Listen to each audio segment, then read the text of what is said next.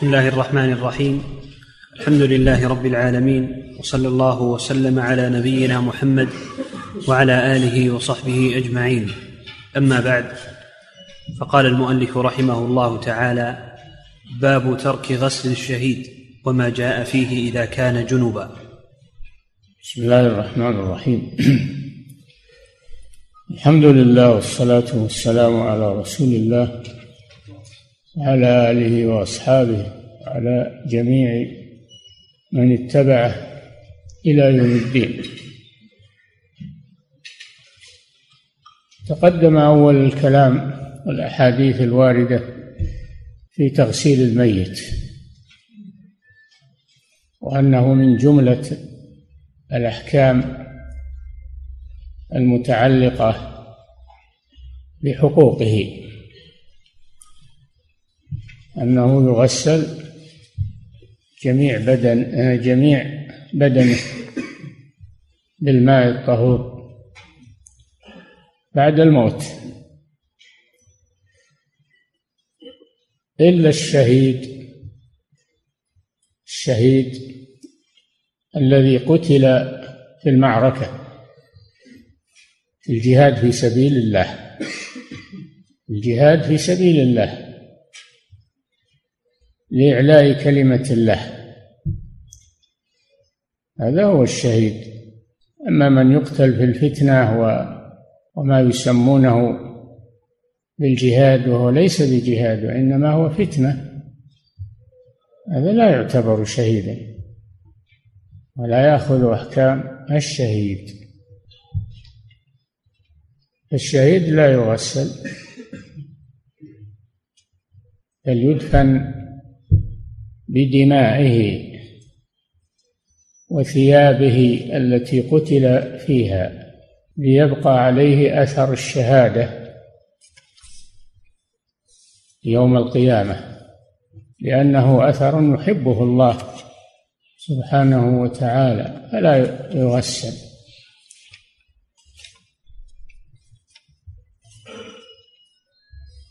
هذا وجه كون الشهيد لا يغسل وهو الذي يقتل في سبيل الله لإعلاء كلمة الله جهاد مشروع. ما هو فتنة ولا طوائف تتقاتل بينها وإلا ما ما هو هذا جهاد هذه فتنة وشر. فهم الآن يسمون كل هالعمليات اللي يسمونها هالانتحاريات يسمونها في سبيل الله ويسمونها شهادة. وهذا من قلة فقههم في الدين. الشهيد إذا كان في في سبيل الله قتل في المعركة. فإنه لا يغسل مثل ما فعل النبي صلى الله عليه وسلم بشهداء أحد. إنه أمر بدفنهم بدمائهم وثيابهم التي قتلوا فيها. إلا إذا كان الشهيد في سبيل الله عليه جنابة. يعني وقع على آله قبل المعركة ولم يغتسل قتل قبل أن يغتسل فإنه يغسل كما يأتي في هذا الباب. يغسل من أجل الجنابة التي عليه. هذا ما ذكره المؤلف في الترجمة وسيأتي شاهده في الأحاديث. نعم. عن جابر رضي الله عنه قال كان رسول الله صلى الله عليه وسلم يجمع بين الرجلين من قتلى أحد في الثوب الواحد ثم يقول أيهم أكثر اخذا للقرآن؟ فإذا أشير له إلى أحدهما قدمه في اللحد وأمر بدفنهم في دمائهم ولم يغسلوا ولم يصل عليهم. رواه البخاري والنسائي وابن ماجه والترمذي وصححه. نعم في وقعة أحد استشهد من الصحابة سبعون صحابيا قتلوا في سبيل الله. لكثرة الشهداء شق على المسلمين أن يحفروا لكل واحد قبرا مستقلا. فأرى النبي فأمر النبي صلى الله عليه وسلم بدفن الاثنين في قبر واحد. تخفيفا على المسلمين. فهذا فيه أن أنه يجوز دفن الاثنين في قبر واحد. شهداء أو غير شهداء عند الحاجة. إذا دعت إلى ذلك حاجة وإلا فالأصل أن كل ميت يدفن في قبر مستقل. لكن إذا إذا دعت الحاجة لكثرة الأموات مثل لو أصاب الناس وباء لو أصابهم وباء وكثر الموت فإنه لا بأس أن يدفنوا أكثر من واحد. في القبر الواحد تخفيفا على الناس. أمر أن يدفن الاثنان في القبر الواحد وأن يكفنوا في ثوب واحد. أيضا هذا من التيسير. بمعنى أنه يشق الثوب ولكل واحد منه قسم. يكفن به لقلة ال... لقلة ال... الأكفان كثرة الأموات وقلة الأكفان.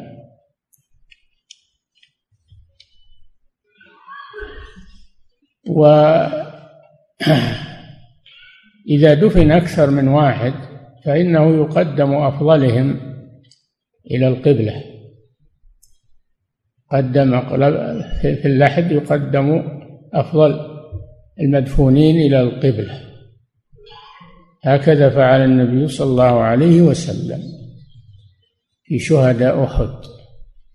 كان يسأل أيهم أكثر أخذا للقرآن.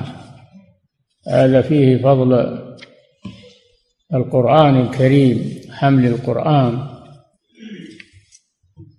أيهم أكثر أخذا أي حفظا للقرآن فيقدم في اللحد إلى القبلة. وهذا فيه فضل حمل القرآن والعمل به. حمل القرآن مع العمل به مجرد حمل فقط بل مع العمل به. وهكذا كان الصحابة رضي الله عنهم كانوا يحملون القرآن ويعملون به ويعرفون بذلك. يعرف قارئ القرآن من غيره بما يظهر عليه من أثر القرآن والتلاوة والعمل. نعم. ولأحمد أن النبي صلى الله عليه وسلم قال في قتلى أحد لا تغسلوهم فإن كل جرح أو كل دم يفوح مسكا يوم القيامة. ولم يصل عليهم. لا تغسلوهم كذلك لا يغسل الشهيد لأجل أن يبقى عليه الدم الذي أصابه في سبيل الله شرفا له يوم القيامة. يأتي يوم القيامة يثعب دما. لونه لون الدم وريحه ريح المسك. لتبقى عليه هذه العلامة الشريفة فلا يغسل دمه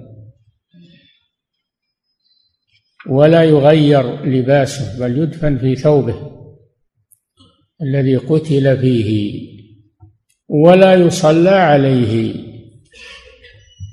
لأن الشهداء أحيا عند الله. ولا تحسبن الذين قتلوا في سبيل الله أمواتا بل أحياء عند ربهم يرزقون. فهم أحياء حياة برزخية. ليست مثل حياتهم في الدنيا. في الدنيا يعتبرون أموات تقسم أموالهم و وتتزوج نساءهم تجرى عليهم أحكام الأموات.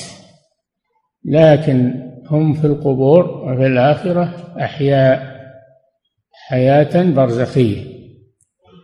لا يعلمها إلا الله سبحانه وتعالى فلا يصلى عليهم. لأن الصلاة شفاعة للجنازة شفاعة للمسلم الميت وهم شهداء ليسوا بحاجة إلى الشفاعة.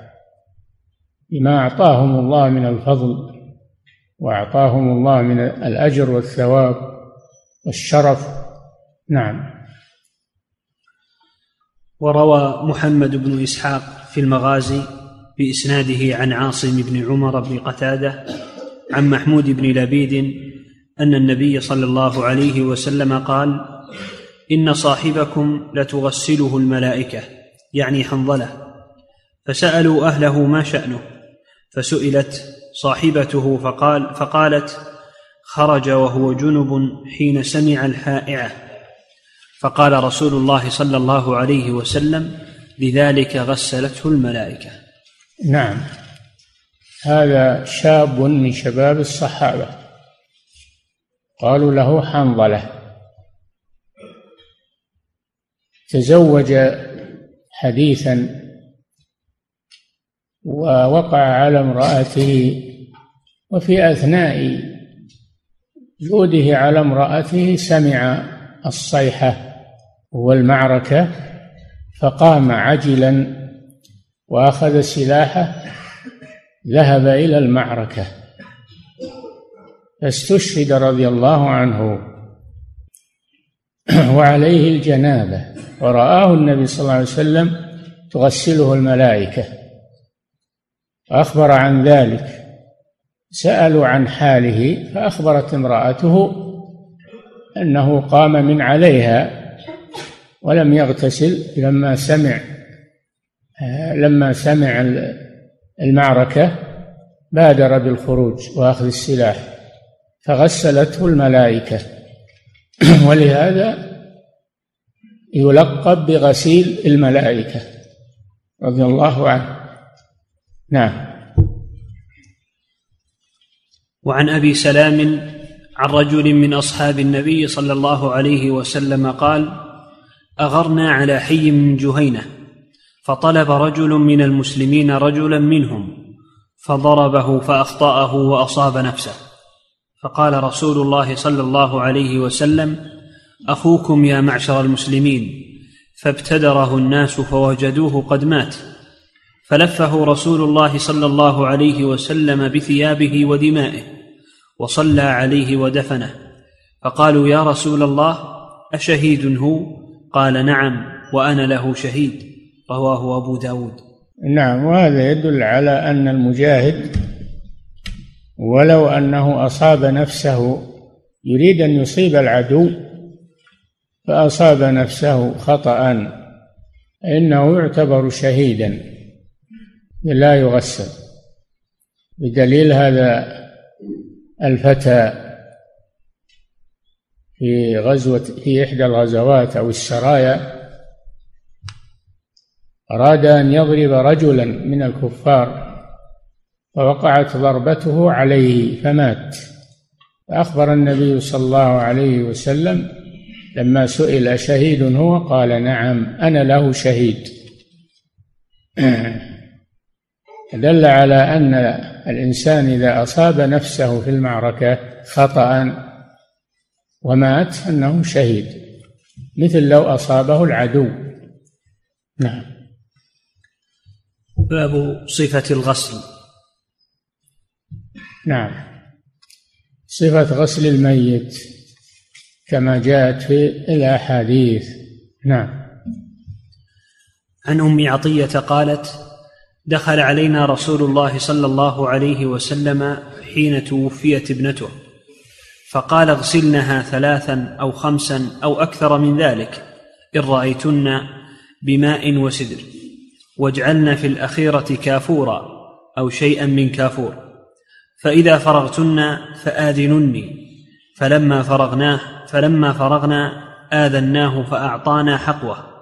فقال أشعرنها فقال أشعرنها إياه يعني إزاره. رواه الجماعة. نعم توفيت زينب بنت الرسول صلى الله عليه وسلم. فغسلها النساء. هذا دليل على أن المرأة تغسلها النساء ولا يغسلها الرجال. ومعهم أم عطية الصحابية الجليلة المشهورة مع النساء اللاتي غسلنها فقال النبي صلى الله عليه وسلم اغسلنها بماء وسدر. هذا دليل على استعمال المادة المنظفة مع الماء مثل السدر مثل الخطم مثل الإشنان مثل الصابون. المادة المنظفة وأنها لا تسلب الماء الطهورية. المادة المطهرة وإن اختلطت مع الماء وغيرت لونه فإنها لا تسلبه الطهورية لأنها من جملة المطهرات. سلناها بماء وسدر فلا يقتصر على الماء إذا وجدت المادة المنظفة. سلناها بماء وسدر وفوض العدد إليهن عدد الغسلات. فوض عدد الغسلات إليهن. يزاد في الغسلات إذا احتاج إلى ذلك على حسب رأي الغاسلة. فيفوض عدد الغسلات إليها. ولو أن تصل إلى سبع غسلات. إذا رأت المغسلات الزيادة فلا بأس. واجعلنا في الأخيرة يعني في الغسلة الأخيرة كافورا أو شيئا من كافور. كافور نوع من النبات له رائحة طيبة ويصلب يصلب الجلد يصلب الجلد ويطيب رائحته. وتكون في الأخيرة ليبقى أثرها. وكانت في الغسلة الأولى أو أو الوسط ضاع أثر الكافور.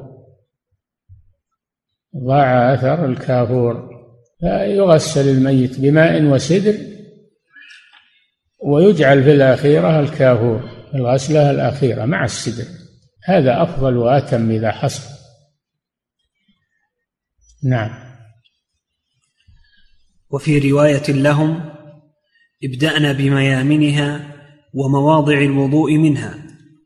وفي نعم فإذا أراد أن يغسل الميت أو الميتة فإنه أول شيء أول شيء يغسل فرجه. القبل والدبر يغسل وينظف. يغسل وينظف. فيجعل الغاسل على يده.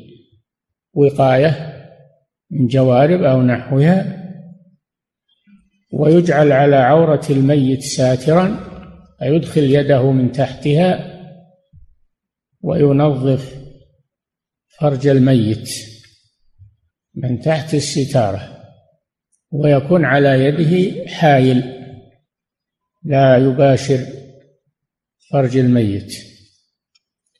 فينجى ويغسل فرجه ثم يغسل بقية جسمه. يغسل بقية جسمه ويبدأ بالوضوء. بعد غسل الفرج يوضأ مثل وضوءه للصلاة تغسل أعضاء الوضوء أولا ثم يغسل الجسم ويبدأ بالميامن الجانب الأيمن ثم الأيسر. لأن النبي صلى الله عليه وسلم كان يحب التيامن في طهوره وفي أخذه وعطائه وفي شأنه كله. فضل التيامن. نعم.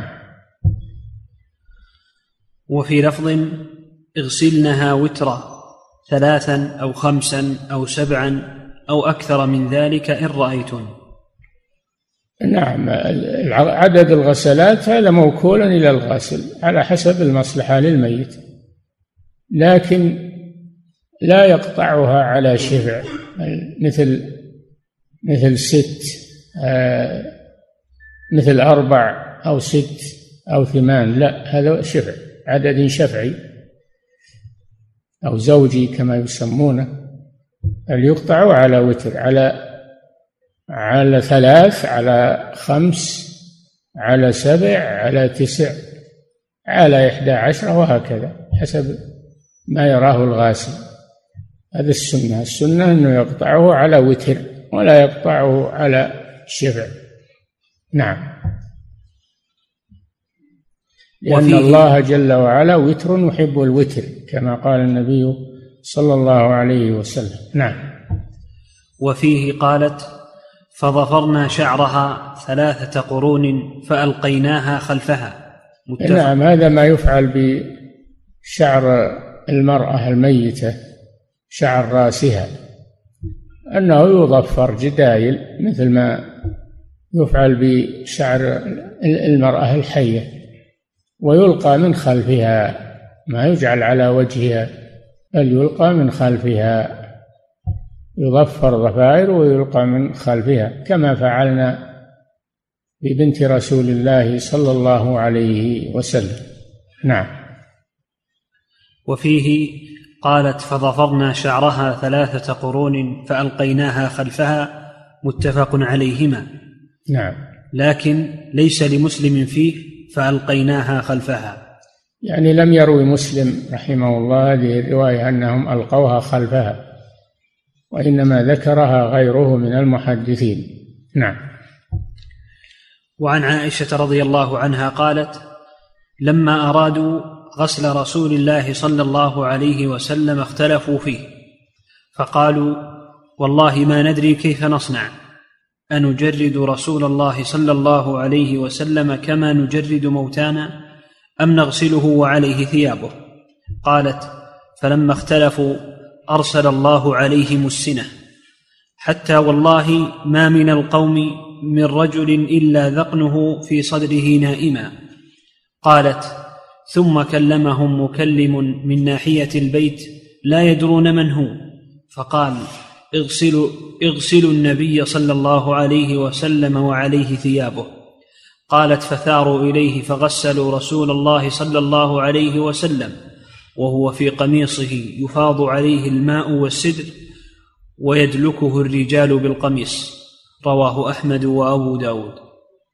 نعم هذا دليل على أن العادة في الميت أنه يجرد من ثيابه عند التغسيل. كان الصحابة يجردونه إلا ما يلقونه على عورته من الستر لكن يجردون بقية جسمه من الثياب فيغسلونه. هذه العادة المتبعة. فلما توفي الرسول صلى الله عليه وسلم أرادوا أن يغسلوه. أرادوا أن يغسلوه عليه الصلاة والسلام. أشكل عليهم هل يخلعون ثيابه ويجردوا يخلع ويجردونه منها كعادتهم مع الأموات الآخرين أو يغسلونه في ثيابه.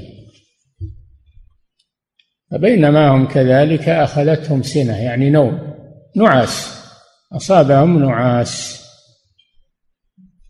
وهم جلوس. فسمعوا صوتا من ناحية البيت يقول غسلوا رسول الله صلى الله عليه وسلم في ثوبه. فغسلوه في ثوبه ولم يجردوه. هذا خاصية للرسول صلى الله عليه وسلم. جعلوا يصبون الماء عليه ويدلكونه من وراء الثوب بالماء والسدر من وراء الثوب ولم يجردوه صلى الله عليه وسلم. نعم. أبواب الكفن وتوابعه. انتهى من تغسيل الميت وأحكامه. نعم. باب التكفين من رأس المال. نعم. باب التكفين من رأس المال. نعم التكفين يكون من رأس التركة قبل المواريث لأنه من حقوق التركة ومن حقوق الميت. حقوق الميت. فيغسل يكفن يعني لأن الكفن لا بد له من ثمن لأنه من القماش ثياب لا بد له من ثمن فيشترى له كفنا من ماله ويقدم على الميراث ومن الحقوق المتعلقة بعين التركة وهي خمسة كما هو معروف مؤونة تجهيز الميت من رأس التركة قبل المواريث. إجرة الحفر وإجرة الحمل و يكون من من التركة ثمن الأكفان أجرة الغاسل كله من التركة مؤونة مؤونة تجهيز الميت من التركة من الحقوق المتعلقة بالتركة قبل المواريث وقبل الدين قبل الوصية. نعم. عن خباب بن الأرت رضي الله عنه أن مصعب بن عمير رضي الله عنه قتل يوم أحد ولم يترك إلا نمرة فكنا إذا غطينا بها رأسه بدت رجله وإذا غطينا رجليه بدا رأسه فأمرنا رسول الله صلى الله عليه وسلم أن نغطي بها رأسه ونجعل على رجليه شيئا من الإذخر رواه الجماعة إلا ابن ماجه. نعم. مصعب بن عمير رضي الله عنه من المهاجرين من السابقين الأولين إلى الإسلام ومن حملة القرآن الكريم. أرسله النبي صلى الله عليه وسلم إلى المدينة قبل الهجرة يدرس القرآن في المدينة ويدعو إلى الله. فلما جاءت وقعة أحد استشهد فيها رضي الله عنه. استشهد فيها. فأرادوا أن يكفنوه فلم يجدوا معه إلا نمرة صغيرة. ما تضفي عليه ما تضفي على جسده. إن وضعوها على رأسه بدت رجلاه وإن وضعوها على رجليه بدا رأسه رضي الله عنه. أمرهم النبي صلى الله عليه وسلم أن يجعلوها على رأسه لأن الرأس أشرف الجسم وأن يجعلوا على بقية الجسم من الإذخر وهو نبات النبات المعروف. من الإذخر نبات لين معروف في مكة والمدينة. فدل هذا على أن جسم الميت يغطى بما تيسر حتى ولو بالحشيش والإذخر ولا يترك مكشوفا. نعم. وعن خباب رضي الله عنه أيضا أن حمزة لم يوجد له كفن إلا بردة ملحاء. إذا جعلت على قدميه قلصت عن رأسه حتى مدت على رأسه وجعل على قدميه الإذخر. رواه أحمد. نعم وهذا أيضا يدل على أن الشهيد يكفن في ثيابه هذا حمزة بن عبد المطلب عم الرسول صلى الله عليه وسلم سيد الشهداء استشهد في أحد رضي الله عنه فلم يجدوا معه ما يكفنونه به إلا شيئا يسيرا من اللباس. إذا وضعوه على مثل قصة مصعب بن عمير إذا وضعوه على رأسه بدت رجلاه وإذا وإذا وضعوها على رجليه بدا رأسه. فقال لهم النبي صلى الله عليه وسلم أن يصنعوا مثل ما صنعوا بمصعب. ابن عمير. هذا دليل على قلة يد الصحابة رضي الله عنهم أنهم ليس عندهم ثروات عندهم أموال ما عندهم إلا الشيء اليسير. قدر الحاجة أو أقل من الحاجة. زويت عنهم الدنيا. نعم. نعم أعد الحديث. وعن خباب رضي الله عنه أيضا. خباب بن الأرت اللي هو مولى رسول الله صلى الله عليه وسلم. نعم. أن حمزة رضي الله عنه لم يوجد له كفن إلا بردة ملحاء. إذا بردة؟ ملحاء. ملحاء؟ نعم. نعم. إذا جعلت على قدميه قلصت عن رأسه حتى مدت على رأسه وجعل على قدميه الإذخر. مثل ما صنع بمصعب بن عمير. جعل على قدميه الإذخر وهو النبات المعروف. نعم. باب استحباب إحسان الكفن من غير مغالاة. استحب تحسين الكفن بأن يكون ضافيا ويكون نظيفا ويكون جديدا إذا أمكن. من غير مغالاة ما يشترى من القماش الفاخر وقماش مرتفع القيمة لا. يشترى من الوسط. يشترى من الوسط. لا يغالى في الكفن. يكفن بأفخر الأقمشة هذا لا داعي له. نعم. عن أبي قتادة رضي الله عنه قال قال رسول الله صلى الله عليه وسلم إذا ولي أحدكم أخاه فليحسن كفنه. رواه ابن ماجه والترمذي. إذا ولي أحدكم أخاه يعني تولى جنازته فليحسن كفنه يعتني بكفنه أن يكون ضافيا أن يكون جيدا متوسطا ويعتني به. هذا من الإحسان إلى الميت. نعم. وعن جابر رضي الله عنه أن النبي صلى الله عليه وسلم خطب يوما فذكر رجلا من أصحابه قبض. فكف نعم. نعم. أن النبي صلى الله عليه وسلم خطب يوما فذكر رجلا من أصحابه قبض. قبض يعني مات. نعم. فكفن في كفن غير طائل وقبر ليلا. فزجر النبي صلى الله عليه وسلم أن يقبر أن يقبر الرجل ليلا حتى يصلى عليه إلا أن يضطر إنسان إلى ذلك. وقال النبي صلى الله عليه وسلم إذا كفن أحدكم أخاه فليحسن كفنه. رواه أحمد ومسلم وأبو داود. نعم هذا الحديث فيه مسألتان. المسألة الأولى أن الميت لا يدفن في الليل ولا يعلم به الناس ويحضروا جنازته ويشيعون ويصلون عليه. ما يدفن في الليل إلا عند الضرورة عند الحاجة. هذه مسألة.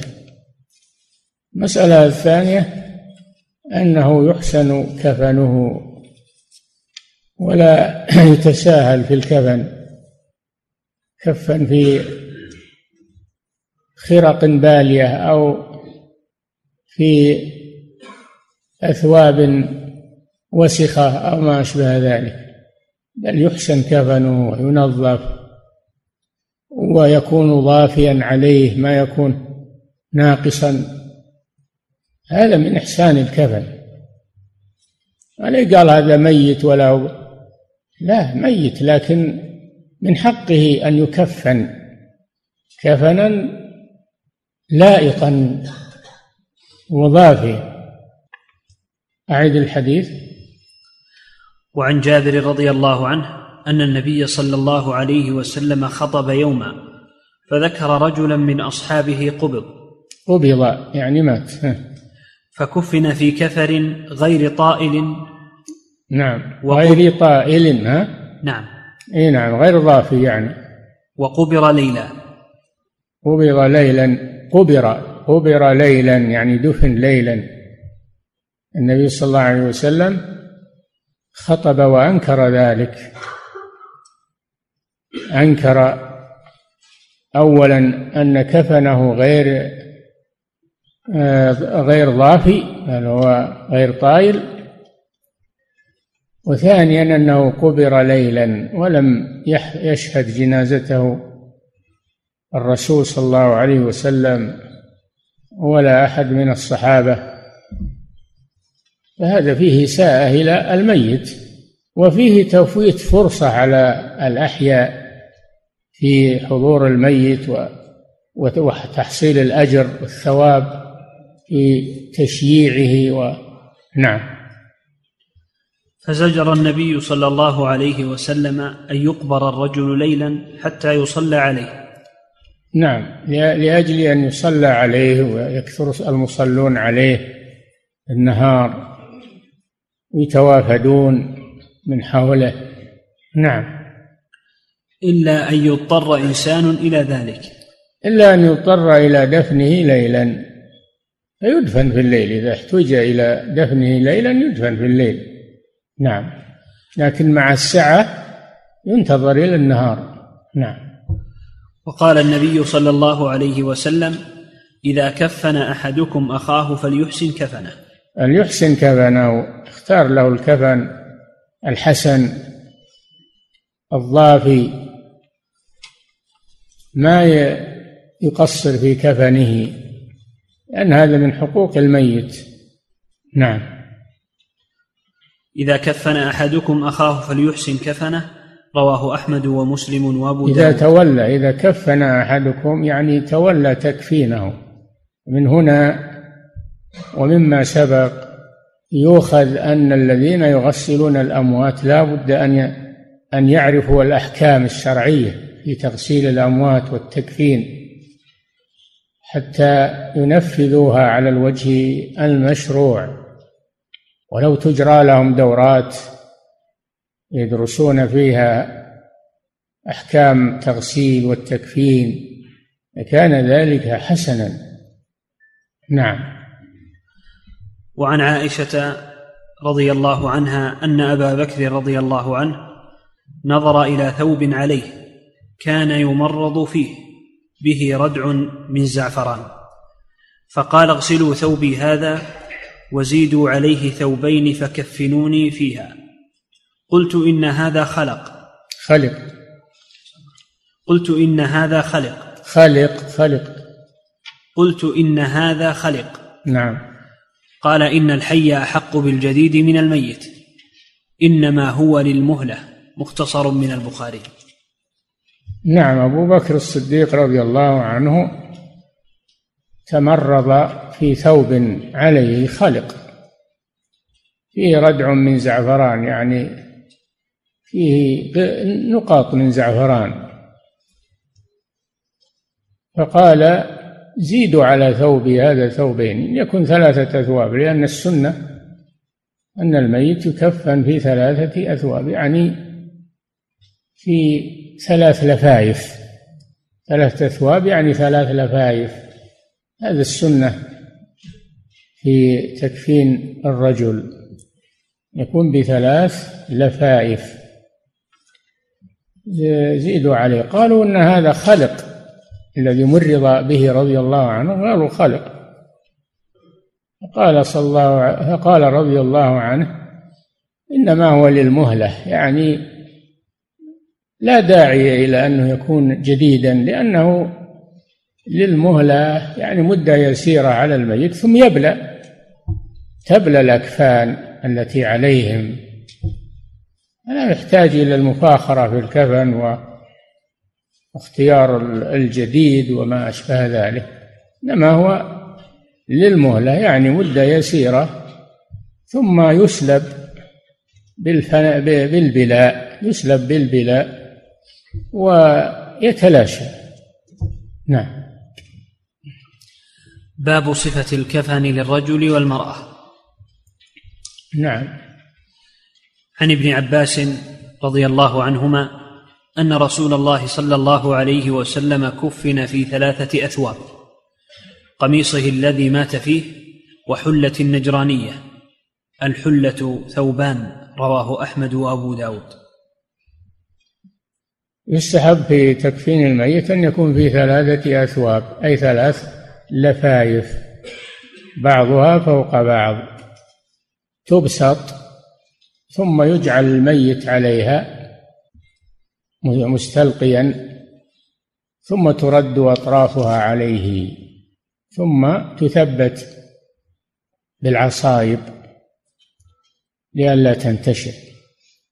النبي صلى الله عليه وسلم كفن في ثلاثة أثواب بيض كما في الحديث الآخر. ثلاثة أثياب بيض سحولية. نسبة إلى بلد يسمى سحول في اليمن تنسج فيها الأقمشة. بيض سحولية ليس فيها قميص يعني مخيط ثوب مخيط ولا عمامة على رأسه عليه الصلاة والسلام. فدل على أن أنها تبسط اللفائف واحدة فوق الأخرى ثم يوضع عليها الميت ثم ترد وتلاقى عليه أطرافها ثم تثبت بالعصايب إلى أن يوضع في القبر ثم تحل العصايب. نعم.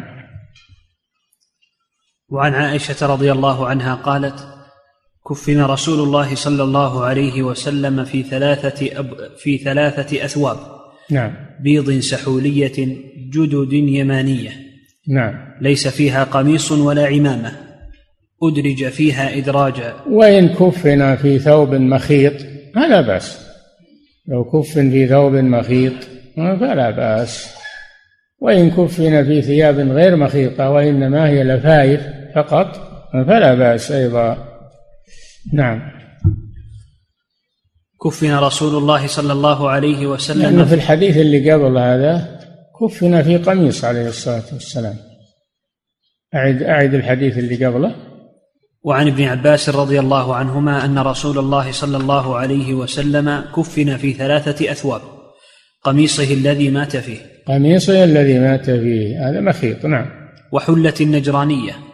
نعم. الحلة ثوبان رواه أحمد وأبو داود. حلة النجرانية تتكون من إزار ورداء نجرانية نسبة إلى نجران. نعم. وعن هذه ثلاثة أثواب. إزار ورداء وقميص. نعم. وعن عائشة رضي الله عنها قالت كفن رسول الله صلى الله عليه وسلم في ثلاثة أبو أثواب بيض سحولية جدد يمانية. ليس فيها قميص ولا عمامة.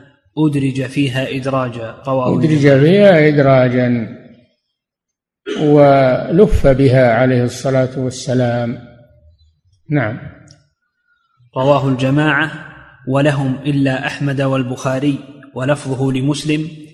وأما الحلة فإنما شبه على الناس فيها. إنما اشتريت ليكفن فيها فتركت الحلة. وكفن في ثلاثة أثواب بيض سحولية. إلا أنه ورد أنه كفن في حلة.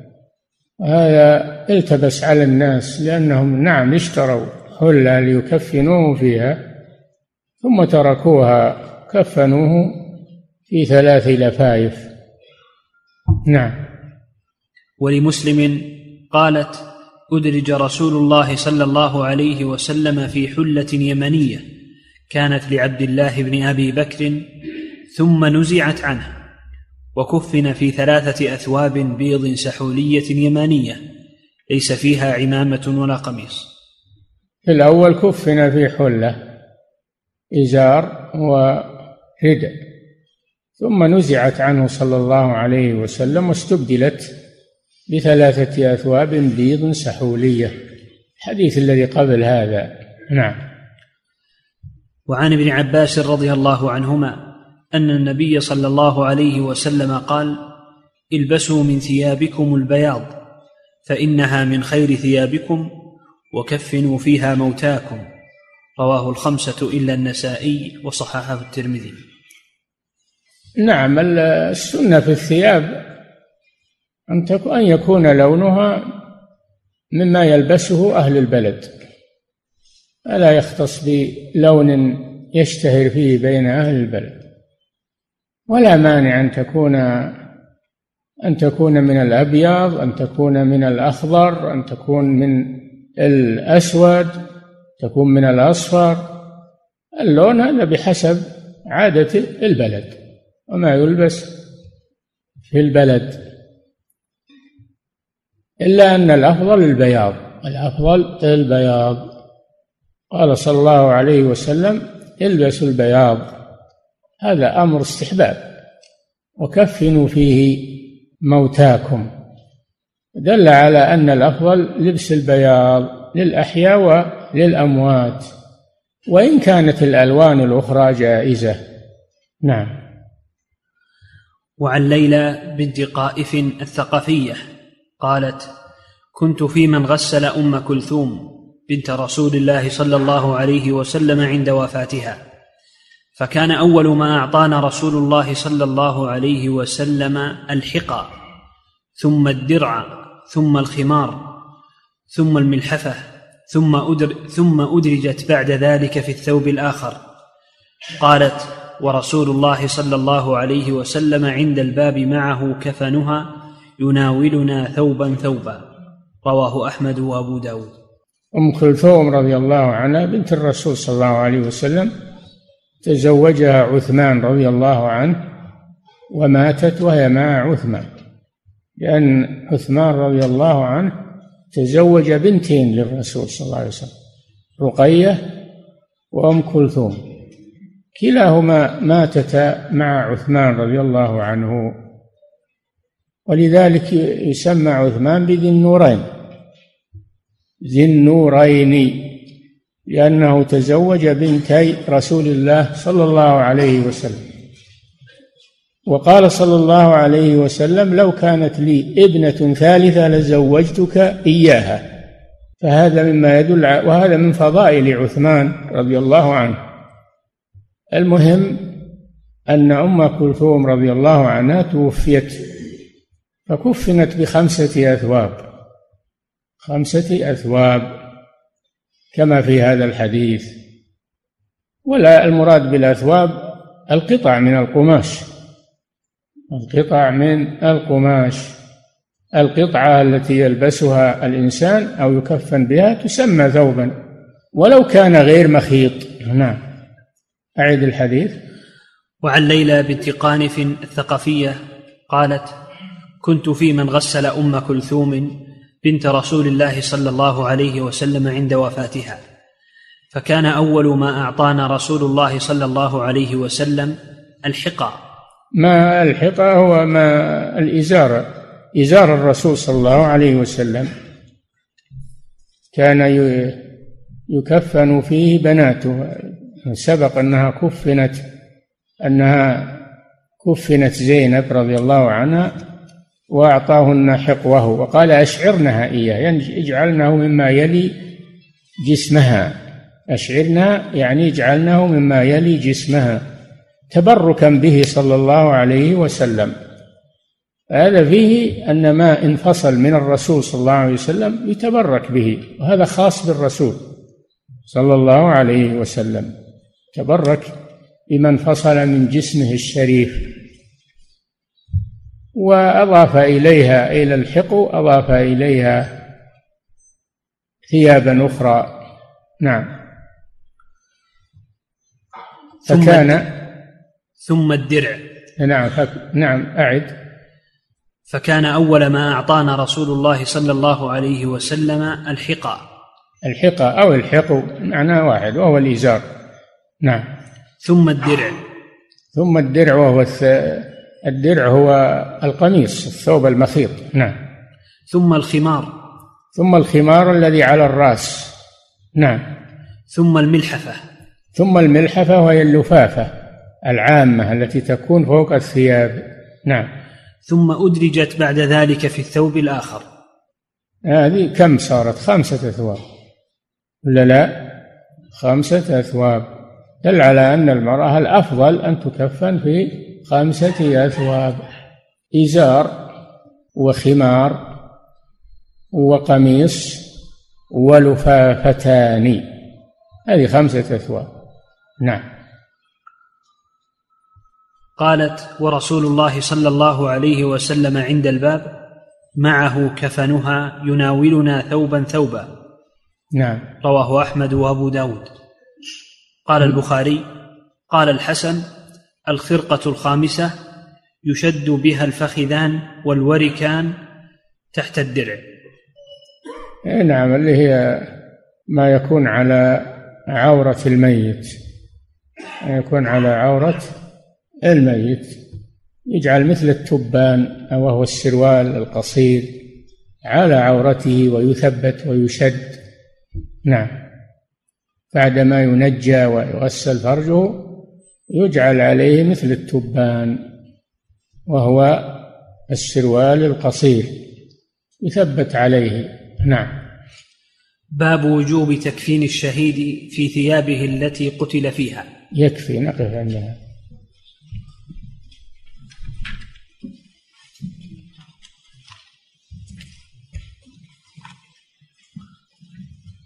أحسن الله إليكم فضيلة الشيخ.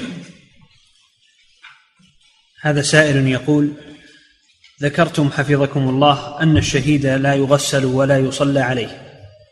ثم ورد حديث أبي داود في في المسلم الذي قتل نفسه وصلى عليه النبي صلى الله عليه وسلم. فما التوجيه في ذلك؟ يا أخي الشهداء كثيرون منهم شهيد المعركة الذي يقتل بالمعركة. ومنهم من يجرح في المعركة وينقل ويموت في مكان آخر. هذا يعتبر شهيدا لكنه ليس كشهيد المعركة له أحكام الأموات. وأما الذي في المعركة فهذا له أحكام الشهداء. لا يغسل ولا يكفن ولا يصلى عليه. هناك المرأة التي تموت في ولادتها هذه من الشهداء. ومع هذا تغسل تكفن ويصلى عليها. شهيد المعركة خاص هو الذي لا يكفن بغير ثوبه ولا يغسل ولا يصلى عليه. أما من مات في سبيل الله لكنه في غير المعركة فهذا يعامل معاملة الأموات. نعم. وله أجر الشهداء. شهيد بمعنى أن له أجر الشهداء. نعم. أحسن الله إليكم فضيلة الشيخ هذا سائل يقول في حديث قاتل نفسه خطأ ورد أن الرسول صلى الله عليه وسلم بخلاف حديث قتلى أحد فإنه صلى الله عليه وسلم لم يصلي عليهم فما الفرق بين الحالتين؟ قلنا لكم أن الأحكام هذه خاصة بالذي قتل في المعركة في سبيل الله أما من مات بسبب الجهاد فهذا يعتبر شهيدا لكنه لا يأخذ أحكام من قتل في المعركة في سبيل الله عز وجل. نعم. أحسن الله إليكم فضيلة الشيخ هذا سائل يقول من مات شهيدا وهو جنب ولم يعلم به أحد فلم يغسلوه فهل نرجو أن تغسله الملائكة؟ إذا لم نعلم ما علينا شيء ما, ما علمنا. وأمره إلى الله سبحانه وتعالى. نعم. أحسن الله إليكم فضيلة الشيخ. هذا سائل يقول هل للرجل أن يغسل أخته أو ابنته؟ لا لا ما يغسل الرجل المرأة مطلقة إلا الزوج. الزوج يغسل زوجته. والمرأة لا تغسل الرجل أبدا ولو كان أباها أو ابنها أو إلا إلا امرأته تغسله فقط. نعم. أحسن الله إليكم فضيلة الشيخ هذا سائل يقول إذا قتل المسلم أصحابه خطأ في المعركة فهل يعتبر شهيد؟ إذا إيش؟ إذا قتل إذا قتل المسلم أصحابه خطأ في المعركة. الله أعلم. نعم. أحسن الله إليكم. وهذا سؤال يقول هل يشترط في الصلاة على الميت الطهارة والوضوء؟ هل يشترط في الصلاة على الميت الطهارة؟ كل صلاة اشترط لها الطهارة. كل صلاة صلاة الجنازة صلاة النافلة صلاة الفريضة كل كل صلاة يشترط لها الطهارة. لا يقبل الله صلاة أحدكم هذا عام إذا أحدث حتى يتوضأ. نعم. أحسن الله لا تقربوا الصلاة آه، كما يا أيها الذين آمنوا إذا قمتم إلى الصلاة فاغسلوا. هذا عام في كل الصلوات. نعم. أحسن الله إليكم فضيلة الشيخ. هذا سائل يقول إذا ماتت المرأة ولم يوجد من يغسلها هل يجوز تأخيرها إلى أن يوجد من يغسل إلى أن توجد من تغسلها؟ تيمم إذا لم يوجد من يغسلها تيمم بالتراب من وراء حائل. نعم. أحسن الله إليكم فضيلة الشيخ هذا سائل يقول هل يجوز استعمال الصابون في تغسيل الميت؟ إي نعم ما في بأس. من المنظفات. نعم. أحسن الله إليكم فضيلة الشيخ هذا سائل يقول كيف الجمع بين أن الوحي انقطع بموت رسول الله صلى الله عليه وسلم وبين الذي كلم أصحابه أن يغسلوا أن يغسلوا رسول الله صلى الله عليه وسلم في ثيابه. هذا إلهام إلهام. ما هو ما هو وحي؟ ولا هو اللي كلمهم الله حتى يكون هذا وحي. إنما كلمهم كلمهم مكلم خفي. الله أعلم به. من الملائكة من آه، من غيرهم. الله أعلم. نعم. الوحي غير هذا نعم. أحسن الله إليكم فضيلة الشيخ هذا سائل يقول ما المقصود بالثوب في الكفن؟ ها؟ المقصود بالثوب الثوب في الكفن هو القطعة من القماش التي تضفي على الميت تسمى ثوبا أو خاص بالمخيط. نعم. أحسن الله إليكم فضيلة الشيخ هذا سائل يقول بالنسبة لتغسيل الرجل زوجته أو العكس. هل يوضع ما يستر به عورة الميت؟ أو لا بأس بعدم ذلك؟ ما تكشف عورة الميت. ينجيها من وراء حائل ويجعل على يده خرقة. ما يلمسها مباشرة. نعم. أحسن الله إليكم فضيلة الشيخ. هذا سائل يقول إذا لمس المغسل عورة الميت خلال تنظيفه فهل هذا جائز؟ ما يلمسها مباشرة لازم يضع على يده شيء.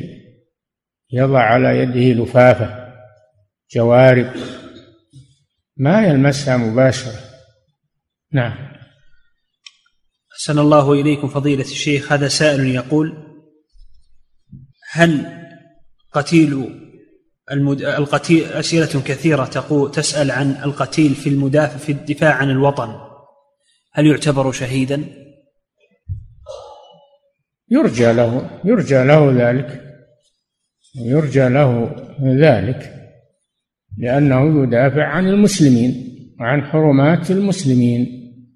فيرجى له الشهادة. نعم. أحسن الله لكن إليك. الجزم ما نجزم.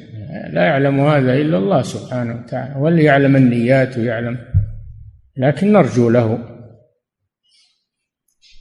لأن هذا يعتبر مثل حراس الثغور ومثل نعم أحسن الله إليكم فضيلة الشيخ هذا سائل يقول يستدل بعضهم بحديث غسل النبي صلى الله عليه وسلم في ثيابه بجواز إثبات أحكام الدين بالرؤيا؟ بجواز إثبات أحكام الدين بالرؤيا. ما هي برؤيا هذه؟ ما هي برؤيا؟ هذا سمعوا الخطاب كلهم سمعوا ما هم كلهم. الرؤيا تختص بواحد كلهم يرونها جميعا لا هذه هذا خطاب سمعوه. نعم. أحسن الله إليكم فضيلة الشيخ. هذا سائل يقول جدتي تقول لي اشتري لي كفنا من مكة. واغسله بماء زمزم وأرسله لي فهل يجوز ذلك؟ لا علمها قل هذا ما هو بلازم ولا ولا هو ب يعني ما ورد دليل على هذا. ما ورد إنه الكفن يغسل من زمزم وأنه يشرى من مكة. ما دام أنه ما ورد فيه دليل فلا يعمل هذا الشيء. نعم. أحسن الله إليكم فضيلة الشيخ. أسئلة كثيرة أشكل عليها الدفن الميت ليلا فإذا مات الميت في النهار هل يجوز دفنه في الليل؟ إذا دعت إلى ذلك ضرورة فلا بأس لكن لو أنه جهز في النهار وصلي عليه حضره آه، المسلمون لا بأس أنه يدفن في الليل النبي صلى الله عليه وسلم حضر الدفن ليلا في بعض الأحوال إنما الذي يموت في الليل ويدفن في الليل هذا ولا يعلم به أحد هذا هو اللي نهي عنه. أما إنسان مات في النهار وجهز وصلي عليه ولكن ما تيسر أنهم يدفنون إلا بالليل ما في مانع. نعم.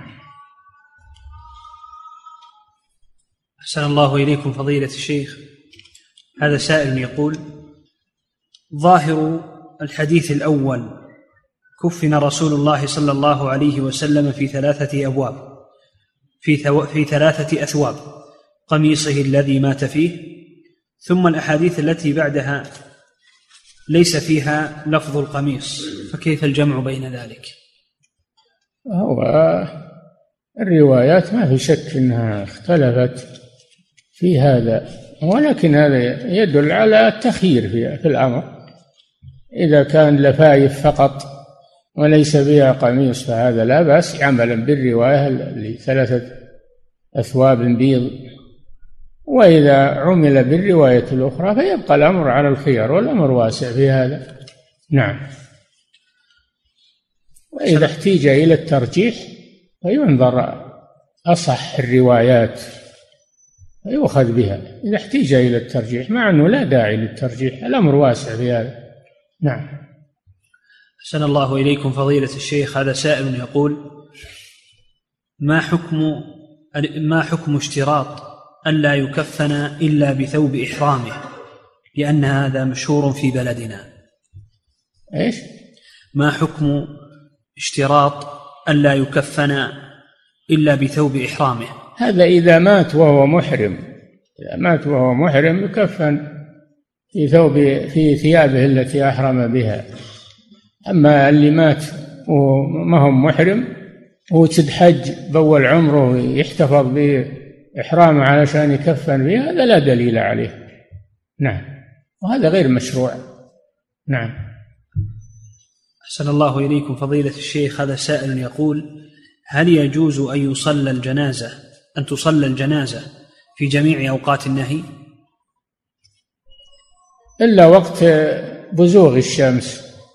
وقت بزوغ الشمس ووقت غروبها ووقت قيام الشمس في وسط السماء. هذه الأوقات الثلاثة لا يصلى فيها على الجنائز. نعم. أحسن الله إليكم فضيلة الشيخ. هذا سائل يقول هل تحلق هل تحلق عانة الميت وإبطه ويقطع ويقص شاربه؟ ذكروا هذا لكن لا دليل عليه لا دليل على هذا. يترك على ما هو عليه. نعم. أحسن الله إليكم. فضيلة الشيخ وهذا سائل يقول هل يوضع الطيب على أماكن السجود من الميت؟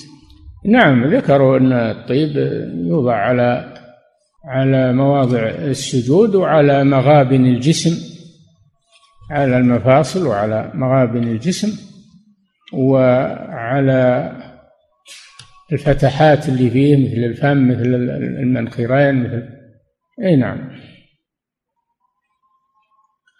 أحسن الله إليكم فضيلة الشيخ وهذا سائل يقول في بلادنا مقبرة المدينة امتلأت. في بلادنا؟ مقبرة المدينة. إيه امتلأت؟ يعني مدينتهم. نعم.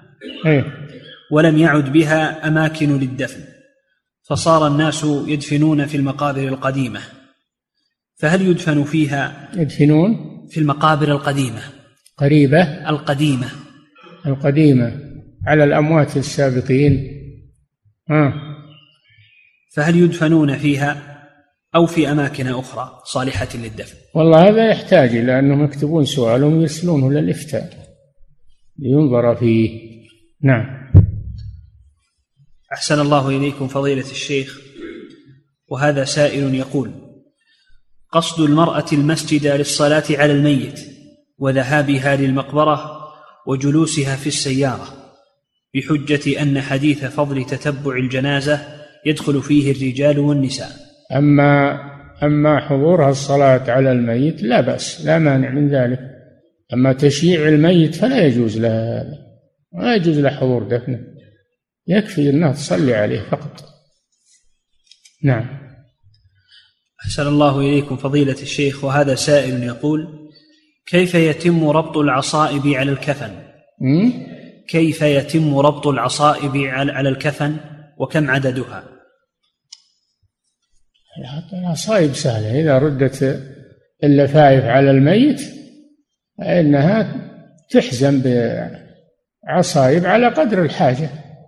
ما لها عدد على قدر الحاجة عند رأسه عند صدره عند رجليه قدر ما يثبت الكفن على الميت. نعم. أحسن الله إليكم فضيلة الشيخ وهذا سائل يقول الغريق شهيد والمبطون كذلك فهل يغسلون؟ إي نعم إي نعم شهداء لكن يعني لهم أجر الشهادة وليسوا شهداء معركة. فيغسلون ويكفنون ويصلى عليهم. نعم. أحسن الله إليكم فضيلة الشيخ وهذا سائل يقول في قول النبي صلى الله عليه وسلم إن الله وتر يحب الوتر فأوتروا يا أهل القرآن. هل المقصود في الحديث صلاة الوتر أم يكون الوتر في, في الأكل والتطيب والكلام ونحوها؟ يشمل. يشمل أن, أن, الإيتار في الأكل الإيتار في آه، التطيب الإيتار في في في الصلاة. يشمل هذا. نعم. أحسن الله إليكم الإيتار في الاكتحال في العين. نعم. أحسن الله إليكم فضيلة الشيخ وهذا سائل يقول هل الذي قتل مظلوما يعد شهيدا؟ نعم يقول الفقهاء يقولون ما ما ما يغسل ولا يصلى عليه. ما يصلى عليه للتغسيل يغسل لكن يقول ما يصلى عليه. الله أعلم. نعم. أحسن الله إليكم فضيلة الشيخ. وهذا سائل يقول أخذنا في الدرس الماضي جواز تقبيل الميت قبل التغسيل. ويلاحظ في مغاسل الموتى أنه بعد غسله وتكفينه لا يغطون وجهه. بدعوى أن أهله سيودعونه قبل الصلاة عليه. لا يتوسع في هذا ويترك الميت مكشوف الوجه ما يتوسع في هذا. وتجي النساء وتقبله التوسع ذا نعم. أحسن الله إليكم فضيلة الشيخ وهذا سائل يقول هل يجوز الانتحار في الجهاد إذا كان لمصلحة؟ لا ما يجوز للإنسان يقتل نفسه في حال من الأحوال. ما يقتل نفسه. إذا قتل نفسه فإن عليه الوعيد الشديد متوعد بالنار.